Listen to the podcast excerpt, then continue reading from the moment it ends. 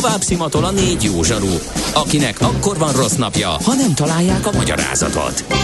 A francia kapcsolat a Wall Streetig vezet. Figyeljük a drótot, hogy lefüleljük a kábelt. Folytatódik a millás reggeli, a 90.9 Jazzy Rádió gazdasági mapetsója. A pénznek nincs szaga. Mi mégis szimatot fogtunk. A Millás reggeli fő támogatója a Schiller Flotta KFT. Schiller Flotta and Rent a Car. A mobilitási megoldások szakértője a Schiller Autó tagja. Autók szeretettel. Nagyon szép jó reggelt, szép jó napot kívánunk mindenkinek, hiszen már negyed tíz múlt.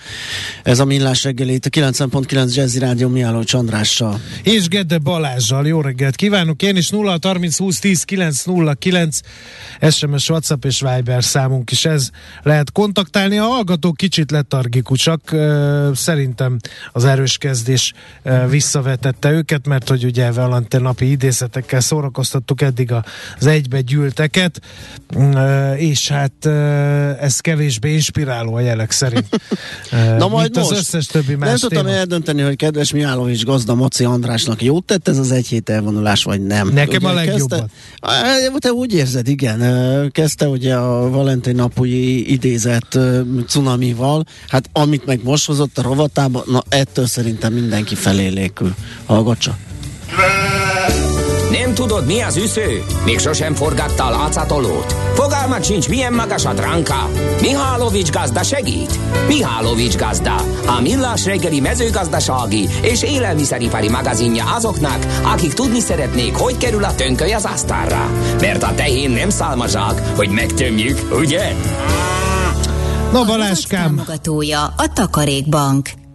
No, Baláskám, akkor házi tücsök, két, közönséges lisztbogár vagy vándorlósás? Két, két esetben fordulhat elő, hogy bármelyikre rámozdulok, az egyik valami nagyon mostoha életkörülmények, amelyek rákényszerítenek, a másik pedig feldolgozzák, liszté örlik, és valami az Beütik a parizerbe. És mondjuk igen, beütik a parizerbe, úgyhogy nem érzek különösebb bogárészt rajta. E, most itt uh, mi a rovarevés intézményét megmosolyogjuk, ugye, hogy a hát csupasz igen, pisztolyból igen. vett idézettel uh, vezessen fel a témámat, de Brüsszel teljesen más gondol erről a problémáról, ugyanis uh, élelmiszer összetevőként nem régiben engedélyezték a házi tücsöknek az alkalmazását élelmiszerként is, és élelmiszer összetevőként is az Európai Unióban, és mint mondtam, ez a harmadik rovar, ezért ajánlottam Balázsnak fogyasztásra Már a házi igen, tücsköt, komoly a közönséges lisztbogarat, vagy a vándorlós Melyik a közönséges lisztbogár? A zsizsik? De hát az nagyon kicsi, hát abból nagy kanállal kéne lapátolni. Hát ez jó. az élet nem habos torta pelikán. Igen, igen. Egyébként azt tette lehetővé, hogy az Európai Unió égisze alatt működő Európai Élelmiszerbiztonsági Hatóság megállapította, hogy a rovarból származó készítmények meghatározott tenyésztési és elkészítési feltételek mellett biztonságosak, egészségesek, sőt magas fehérje tartalmúak is. Ezért a házi tücsök figyelem, egészben fagyasztva, szárítva, valamint por formájában lesz kapható az Európai Unióban. Az új élelmiszer tartalmazó termékeket azonban meg kell jelölni megfelelő címkével, hogy felhívják a figyelmet az esetleges allergiás reakciókra, amelyekről én nem tudok, hogy hát ne ez, haragudj. Ezt akartam kérdezni. Nem ehetek parizert, mert tücsök allergiám van. Igen. Igen.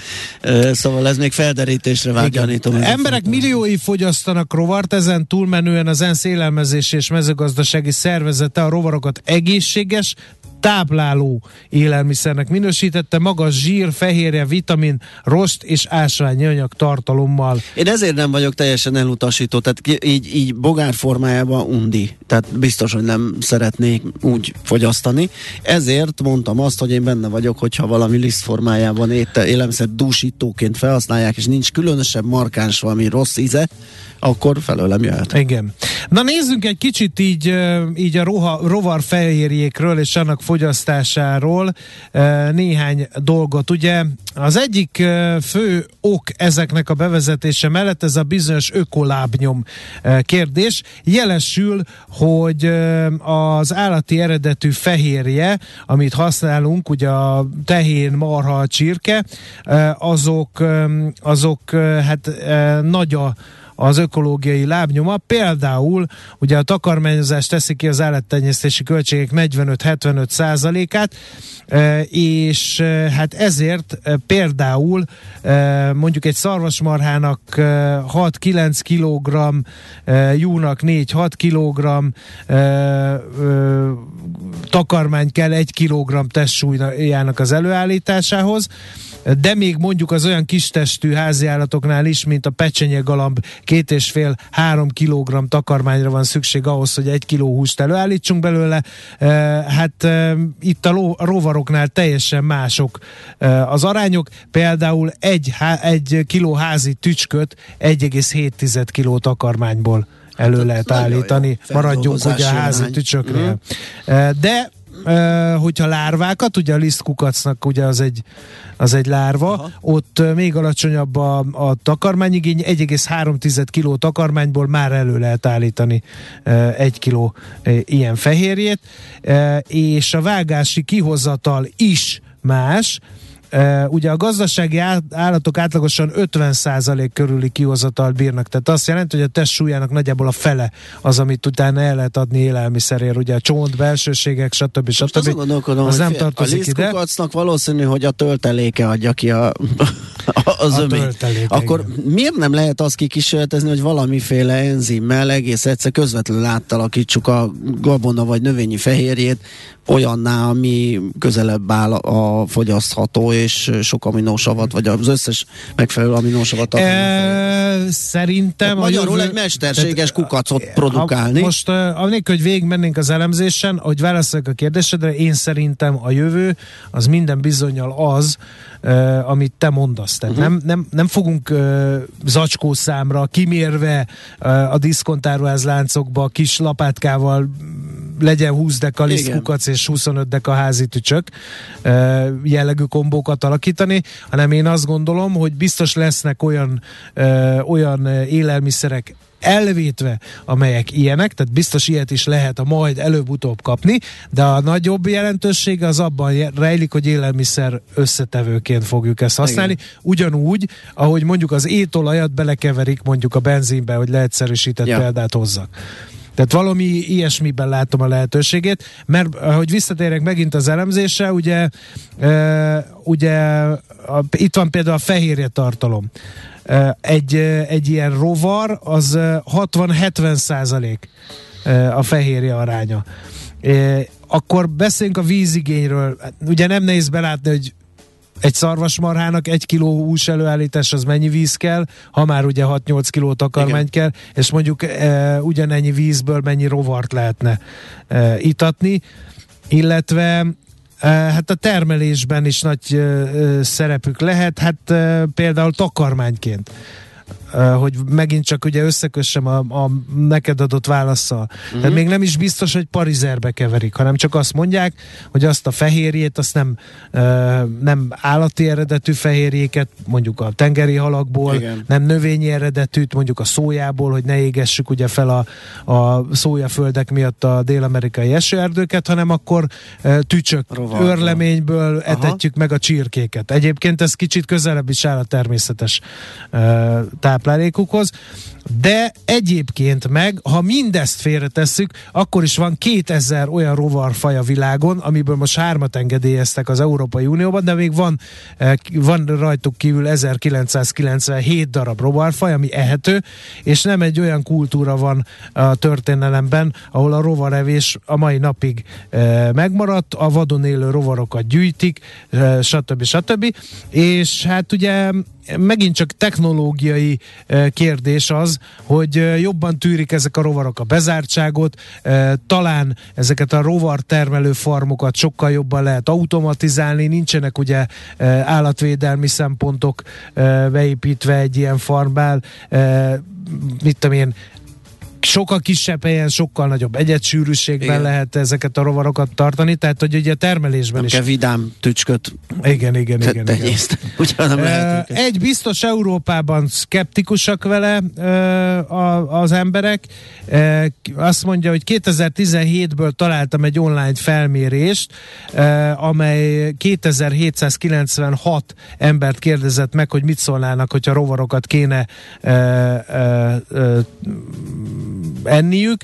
90%-uk hallott arról, hogy vannak ehető rovarok, e, és a Kárpát-medencében élő ehető rovarfajt, vagy vagy egyebeket azonban csak 26% tudott megnevezni. A válaszadók 20%-a fogyasztott már rovart, vagy rovar alapú élelmiszert, több mint felük nyitott az hát ilyen gondolja ő, mert van egy statisztika, hogy életünk során hány pókot eszünk meg, úgyhogy Igen. majdnem mindenki evett már. És, hogy Gede Balázs is besimuljon ebbe a felmérésbe, nagyobb a fogyasztási kedv akkor, ha nem felismerhető termékként hát találkoznak az emberek velük, de a rovar alapú alapú fűszer például elfogadott. Aha. Uh, és akkor ugye mondtam, hogy takarmánygyártók is, uh, is stb. stb. ugye ebből profitálhatnának. És... De mondom, hogy simán el tudok képzelni olyan, olyan hamburger műhúst, ami ugye ilyen az a szokásos borsó alapú borsófehérjéből készített valami, amit a, a Beyond Meat is kitalált, és azt még plusz dúsítani valami rovar lisztel, hogy fehérje dúsabb legyen, abszolút ö, ö, élettani hatását tekintve közel álljon a húshoz. Szerintem azzal nincsen baj. Szóval, hát ez a legfontosabb kérdés, hogy bár jótékony, több szempontból hasznos lehet a rovar evés, de az undort nem tudjuk legyőzni, Azt. és ezt kell valahogy ahhoz megváltoztatni a fejünkben, hogy ez a dolog sikeres legyen, mert mint ugye néhány aspektusát ennek felsoroltam, ez azért nem egy rossz történet. Az, az a kérdés, hogy ugye hajlandóak vagyunk-e ezt megenni, vagy sem. Semmi más nem kell csinálni, csak visszatérni ahhoz, amit már évezredekkel ezelőtt csináltunk. Mihálovics gazda most felpattant egy kultivátorra, utána néz a kocaforgónak, de a jövő héten megint segít tapintással meghatározni, hány mikron a gyapjú. Hoci a pipát meg a bőrcsizmát. Most már aztán gazdálkodjunk a rézangyala. A rovat támogatója a Takarékbank. Na, hogy fogadták a hallgatók a bogárevést? Mindjárt meg is futtatjuk Van, a Viber mondja, csatornánkon. De nem is rossz ötlet, kéne Viber szavazásra, rovar Igen. kajálásra, nekem simán belefér, ha nem változtat az ízeken, írja az egyik. Ugye? A hallgató, a másik a, a hallgató az a házitról. Te vagy már egy házit, csak hajnalok hajnalán itt Szibripelsz, írja nekem a házitról, eh, akinek előbb-utóbb a skalpját az övemre fogom fűzni, ha így folytatja. No, eh, most reggeliztem volna, inkább együnk vörösbabot, mint állatokat. Nézzetek, utána nagyon jó adatokat mutatta, és kevés a termesztése járó környezetterelés. Vörös Tudok bab, a vörös babról, mert a kovbolyok állandóan igen, babot vittek hagymás babot. Igen. magukkal. Azt mondja, nyugtassanak meg a bürokraták, hogy kizárólag szabadtartású, boldog körülmények Olyan. között nevelt, majd humánusan kivégzett e, tücskök kerülnek az asztalomra. A lisztkukac engedélyezett, nehogy az legyen a következmény, hogy engedélyezett legyen a zsizsikes liszt is. A rovarok jogaira hi- hivatkozza. Nekem úgy rémlik, a rovarok kitin sejtfalát nagyon nehezen tudjuk emészteni, ezért a hasznosulása a rovar fehérjével nagyon rossz, írja Tibor. Az álmodban pókevés az városi legenda, a pók sosem mászna a szádba. Hát nem a szádba mászik, hanem egy ilyen Hanem így ráfordulsz, hogy ott van a párnádon, te meg egy ráborulsz folydogáló nyállal, és pont az étel csak porhüvelyünk energiaellátásához kell, szintetikus tabletta lenne kaja helyett többen vennék.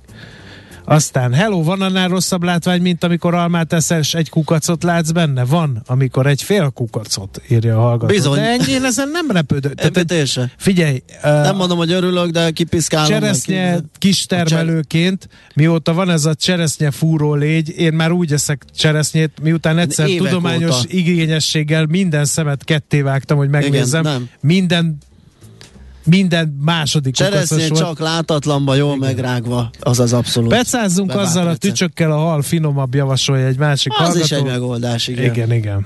Na jó, Na, jönnek a hírek, akkor és meg, akkor megcsináljuk a ezt, a, ezt, a, igen, ezt a felmérést a Viber csatornánkon. Egy pár perc múlva nézhetitek, és akkor megnézzük, hogy mi a vélemény. Műsorunkban termék megjelenítést hallhattak. Tőzsdei és pénzügyi hírek a 90.9 jazz az Equilor befektetési ZRT szakértőjétől.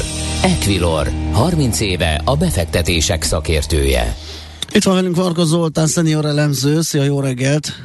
Sziasztok, jó reggelt kívánok! Sok jóra nem számítunk, de hát ha, mi újság a Budapesti? Hát, sajnos nem. Nem, nem lehet igen. itt reménykedni semmibe. Igen, mert pénteken látszódott, hogy az orosz-ukrán feszültség miatt nem lesz jó hangulat ma, és be is igazolódott sajnos Ázsiában is elég nagy esések voltak, de itthon is majdnem három, hát most kettő és fél százalékos mínuszban van a Bux Index 50.850 uh. pontnál. Úgyhogy elég nagy esést látunk, és az mindenképpen további negatív jelzés, hogy elég nagy a forgalom, és már meghaladta 4 milliárd forintot. Azt a betyár, az, az kifejezetten nagy 40 perc alatt, igen, ez egy kitárazásos így van. Eset. Így van. Uh-huh. A legnagyobb esést nem meglepő módon az OTP mutatja. Uh-huh. 3,6%-os mínuszban van 17.165 forintnál, a MOL 2% közeli mínuszban 2620 forintnál, ugye itt még az is negatívumként lehet megemlíteni, hogy hétvégén bejelentésre került, hogy három hónapban meghosszabbították az nyerásapkát, de mondjuk ez várható is volt, de azért mindenképpen negatívum. A Richter esetében 7915 forint az árfolyam, itt is 1,74%-os mínusz van, és a Magyar Telekom sem ö, tartja magát, hiszen a múlt héten felülteljesítő volt, most ott is 1,15%-os mínuszban vagyunk 430 forinton, és sajnos Nyugat-Európában is abszolút hasonló a kép, tehát a DAX index esetében is 3% fölötti esést látunk, mert 3,2%-os a mínusz a francia részvényindex is 3,3%-os mínuszban van, olajár folyama kilőtt, tehát ez most elég, elég rossz helyzet sajnos, hiszen még az inflációs várakozásokat is fellőheti még jobban, amellett, hogy természetesen a háborús feszültség, vagy háború közeli feszültség továbbra is más helyezhet a tőzsdékre. Uh-huh. Mit csinál a forint? Mert hogy uh, ugye az is, az, az is megsinlette a pénteki napot. Így van, bár ott egy nagyon erős szintről tudtunk indulni szerencsére, és jelenleg sincs nagy baj. 356,65 az euróforint árfolyama, tehát egy mérsékelt mhm. emelkedést láthatunk. Dollár forintban 315,30-nál vagyunk, tehát ott sincs egyelőre nagy probléma. Az euró-dollár pedig tovább ereszkedik lefelé 1.13-11-nél. Ott nekem nagyon meglepő volt a, a múlt heti mozgás, amikor 1.15 közelébe felemelkedett az árfolyam az amerikai inflációs adatokat követően, de most már irányba állt és erősödik a dollár, ez persze annak is köszönhető, hogy most a menedékeszközök kerülhettek előtérbe ismét. Igen, világos. Hát ez nem, nem, nem túl klassz kezdés így a hétre. Valószínűleg csak szépíteni lehet ebből, szerintem a pozitív zárásról letehetünk ekkora mínuszokat. Igen, nem sok esély van, bár elképzelhető, hogy egy-két százalékkal feljebb tudnak Igen. de, de ennél többet én sem gondolnék a mai napra. Zoli, köszönjük a beszámolódat, jó munkát, szép napot! Köszönöm szépen Szia. a figyelmet, sziasztok! Marga Zoltán szenior elemző mesélte el nekünk, hogy hogyan állnak a piacok a nyitást követő 40. perc, 43. perc környéken. Tőzsdei és pénzügyi híreket hallottak a 90.9 jazz az Equilor befektetési ZRT szakértőjétől. Equilor, 30 éve a befektetések szakértője. Volt már olyan érzésed, hogy megtaláltad a választ? Aha, aha, aha. Heuréka élmény. Jövőkutatás a millás reggeliben. Csak jövő időben beszélünk. Nos, kérem szépen, fúziós energia, európai kutatók magyar közreműködéssel fúziós energia rekordot értek el. Um, hogy mi ez a rekord? Ugye már hallottuk, hogy a kínaiak is csináltak mesterséges napot. Meg hogy ez is... lehet, hogy ez lesz a jövő energiaforrása, hát, ha, ha, meg ha ilyesmiket kordában hallani. lehet tartani és, és ezt működtetni, én biztos vagyok benne laikusként is. De, de... itt mi megakadunk. A, hát, most akkor uh, arra teszünk kísérletet, hogy ezt az eredményt értékelhessük, hogy egy kicsit visszalépjünk, és felépítsük ezt a tudást a fúziós reakcióról, meg, a, meg erről az egész erőműről, a fúziós erőműről. Ebben segítségünkre lesz dr. Dunai Dániel, az Energia Tudományi Kutatóközpont fúziós plazmafizikai laboratóriumának tudományos főmunkatársa. Jó reggelt kívánok! Szervusz, jó reggelt! Jó reggelt kívánok a kedves műsorvezetőknek, és természetesen a hallgatóknak is. É- értelmezzük ezt az 59 megazsúl energia előállítását, ami Igen. fenntarthatóan. Tehát De előtte, előtte, hogy, hogy uh, mi ez a fúziós reaktor, mi ez a fúziós energia, hogy kell ezt elképzelni, hogy lesz, uh, minek a fúziójából lesz energia, és hogyan? Na kérem, most azért elhangzott egy pár kérdés, akkor... akkor, akkor És még van egy csomó a tarsolyban, igen. Tehát igen, a JET nevű ő, angliai tokamak érte el ezt az eredményt, de tényleg ahhoz, hogy ezt valamilyen módon értelmezni tudjuk, hogy ez most mennyire jó, vagy mennyire fontos eredmény, vagy mennyire csak egy lépés az úton, érdemes megismerni magát ezt a fúziós reakciót, illetve hogy miben különbözik a korábbi energiatermelési formáktól. Majd mindjárt kiderül, hogy valójában a Valentin nap egy tökéletes alkalom a fúziós reakciónak a tárgyalásához, uh-huh. hiszen ez a Valentin napi fizika, hogyha másképp nézzük a dolgot, a fúzió ja. görög eredetű szó azt jelenti, hogy egyesülnek dolgok, és itt a fúzióban pontosan ez történik, hogy könnyű magok, atommagok egyesülnek nehezekké, miközben energia termelődik. Uh-huh. Ez ugye egészen más, mint amihez a nukleáris energiában szokva vagyunk, amikor nagyon nehéz atommagokat, az urán és társait valamilyen módon hasítjuk, uh-huh. kisebb atommagok és energia keletkezik. Uh-huh. Honnan, honnan tudjuk, hogy létezik ez a fúziós reakció, vagy hogy ez miért, miért jött ez az ötlet? Ugye ez nem más, mint a napunknak az energia termelése. Ugye az köztudott, hogy a napban hidrogén égel héliummá, és ez teszi már mint egy 4,5 milliárd éve, létre, ezzel lehetőséget teremtve a föld életnek a, a kialakulására. És elég bizonyítókat szolgáltatva arra, hogy ez működik. Hát igen, a, igen, és akkor a kérdés igaziból az, hogy attól, hogy a napban látjuk, hogy működik, uh-huh. attól létre tudjuk-e hozni mi a Földön, és ha létre tudjuk-e hozni, akkor tudunk-e egy gazdaságos erőművet építeni erre a fizikai folyamatra. És akkor ennek egy lépése gyakorlatilag ez, a, ez az eredmény, ami, aminek a kapcsán most beszélgetünk. Uh-huh. Mennyire jelentős ez az eredmény, amit, tehát most kísérleti szinten biztos, mert nagyot ment a világ ö, ö, sajtójában, ö, tehát ez egy lépés lehet előre, de mennyire bíztató a tekintetben, hogy ez a hétköznapokban majd mint energiatermelési módszer elterjedhet? A közeljövőben mondjuk. Igen, én is úgy értékelném, hogy ez egy, ez egy lépcsőfok, amiben a, ez a technológia, vagy ez a kísérlet bizonyította, hogy a, hogy a fúziós energiatermelés nem csak az kifi világában létezik, Aha. Hanem hogy földi körülmények között most még egyelőre kísérleti eh, rendszerekben ez létrehozható, és ennek alapján tervezhető és építhetők a következő lépések.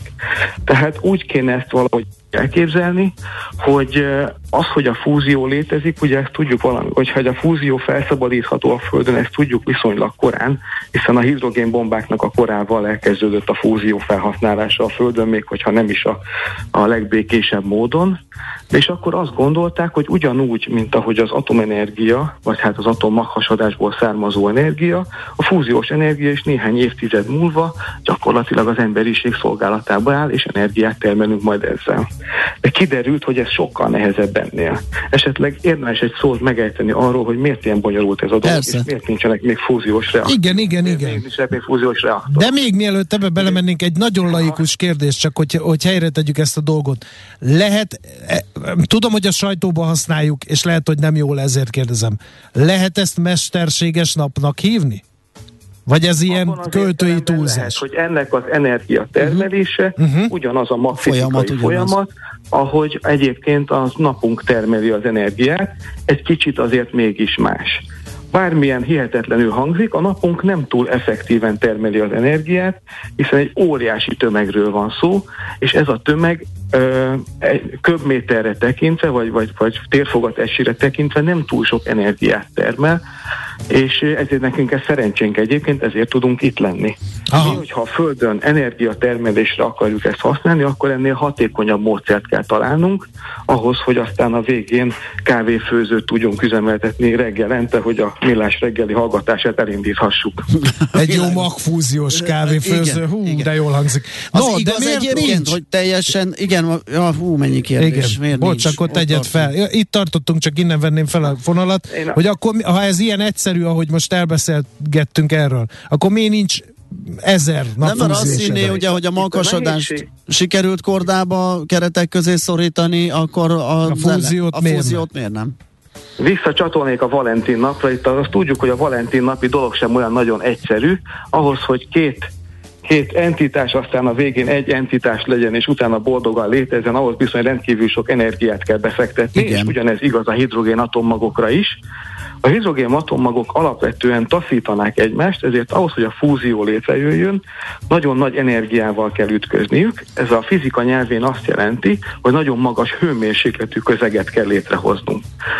Mit is jelent ez a nagyon magas hőmérséklet? Itt 150 millió fokos közeget kell létrehoznunk ahhoz, hogy a reakció hatékonyan létrejöjjön. Hát ebből azért adódik, hogy, ez, hogy a kávéfőző ugye kibírja a 100 fokot, de a 150 millió fokot gyakorlatilag azért anyagok nem viselik el, és akkor jön egy olyan technológiai kérdés, hogy hogy lehet ezt az anyagot mégis ilyen hőmérsékletre felfűteni, és ott úgy elszigetelni a környezetétől, hogy ez a reakció biztonságosan le, lejátszódhasson. És erre a, nagy, erre, erre a válasz a mágneses tér. Uh-huh. Hogyha egy töltött részecskét veszünk, akkor a, a fizika olyan, hogy a töltött részecskének kutya kötelességet követni a mágneses erővonalakat, ezért, hogyha ezt az erővonalat egy körré hajtjuk, akkor ez a részecske szépen körbe-körbe fog menni. Ne. Hogyha ilyen körökből fölépítünk egy ilyen traktorgumi jellegű ö, alakot, akkor gyakorlatilag fújtunk egy mágneses lufit, amiben bezártuk ezt a nagyon magas hőmérsékletű gázt. Hát ez zseniális. Ez a trükk. Ez a trükk, ez a ez a módszer, ami egyébként nem új, ez már a 60-as évek óta kísérleteznek ezzel, és mégiscsak most jutottunk el oda, hogy egyáltalán a, az energiatermelés mértékű berendezést építhessünk, ami nem a JET, ami ezt az eredményt szolgáltatta, hanem az ITER, ami majd a következő években épül fel Dél-Franciaországban. Uh-huh. Nagyon kevés időnk van, megkockáztam, hogy egész műsort lehetne ennek szenteni, főleg ahogy mesélsz róla, hogy még értető is, teljesen szuper. Uh, viszont egy, egy kérdés, ami utolsó előtti vagy utolsó, hogy mennyire van ez látó közelben? Tehát, uh, mennyire kísérleti a technológia, mennyire és mennyire lehet előbb-utóbb fúziós erőművet építeni? Olyat mondani, hogy majd 20 év múlva ez lesz. Hát én állok elébe, hogy valamikor ezt folytassuk, mert ez tényleg egy kicsit Fogjuk. téma ennél, de hogy, de hogy, de hogy válaszoljak a kérdésre.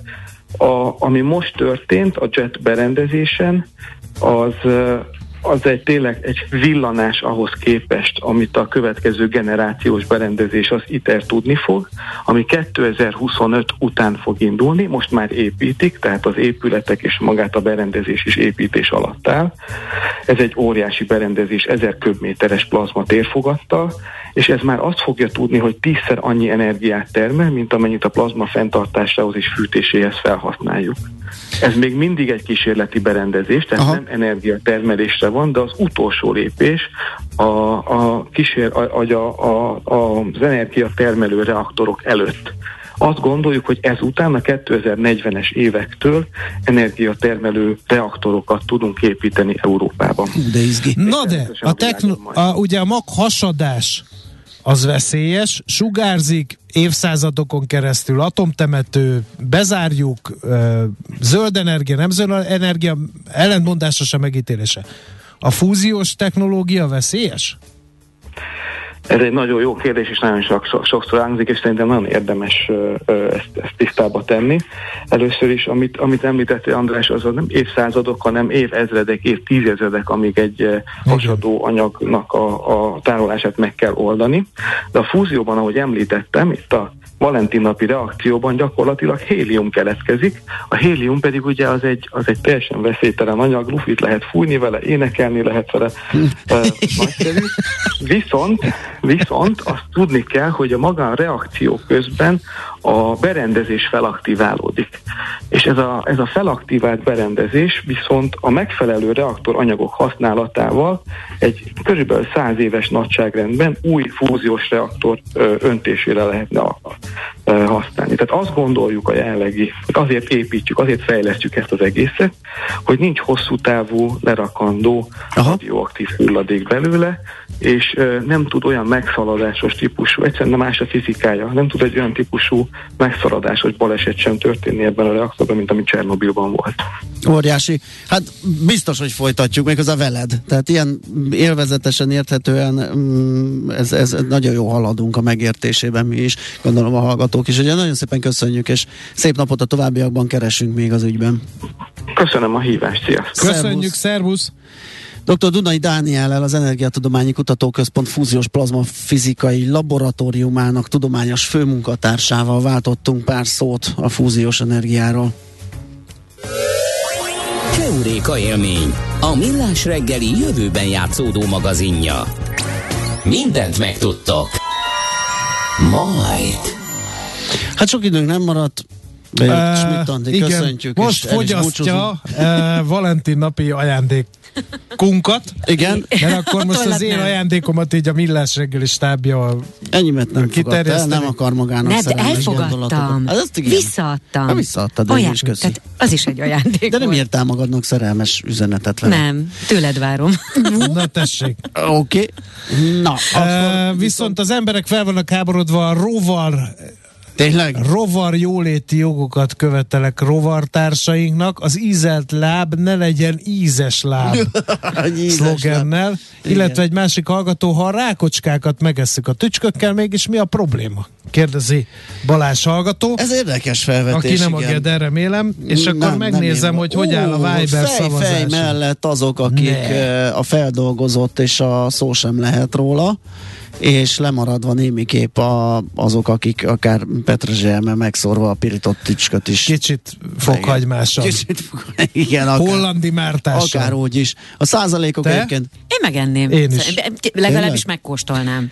Én már ettem uh, random ilyen egyszer kiesett egy rendkívül gusztusosnak tűnő ilyen nagy fehér uh, fabontó rovar lárva uh. a fahasogatás közben, és uh, Megkaptam. lepirítottuk. Azt és hittem gyorsan Én is. megkaptad. É, nem, azt Jött nem, lepiri, Nem lepirítottuk, nomád. képzeld el, hogy pirítva uh, szemre tetszetősnek bizonyult, úgyhogy tovább léptünk, uh, megettük, és az volt a baj, rá, aztán az volt a baj, hogy fűrészpor íze volt. Tehát Hát igen, nem azt tette, meg. ami Igen. logikus. Igen. Na jó, tényleg elbúcsúzunk, nyomjátok tovább a szavazást, kíváncsi vagyunk a végeredményre a Viber csatornánkon. Uh, amúgy meg holnap jövünk vissza illetve már aki, a lényeg az, hogy holnap fél héttől lesz millás reggel, most viszont Schmidt Andi híreit hallhatjátok. Szép napot mindenkinek, sziasztok! Boldog Valentin napot mindenkinek! Már a véget ért ugyan a műszak, a szolgálat azonban mindig tart, mert minden lében négy kanál. Holnap reggel újra megtöltjük a kávés bögréket, beleharapunk a fánkba és kinyitjuk az aktákat. Addig is, keressetek minket az arcaktákban, a közösségi oldalunkon. A mai adás podcastjét pedig holnapunkon. Millás reggeli, a 90.9 Jazzy Rádió gazdasági mapet show-ja. Ha csak egy műsorra van időd idén, tégy róla, hogy ez legyen az. Csak egy dolog lenne még. A Millás reggeli fő támogatója a Schiller Flotta KFT. Schiller Flotta and Rent a Car. A mobilitási megoldások szakértője a Schiller Autó tagja. Autók szeretettel.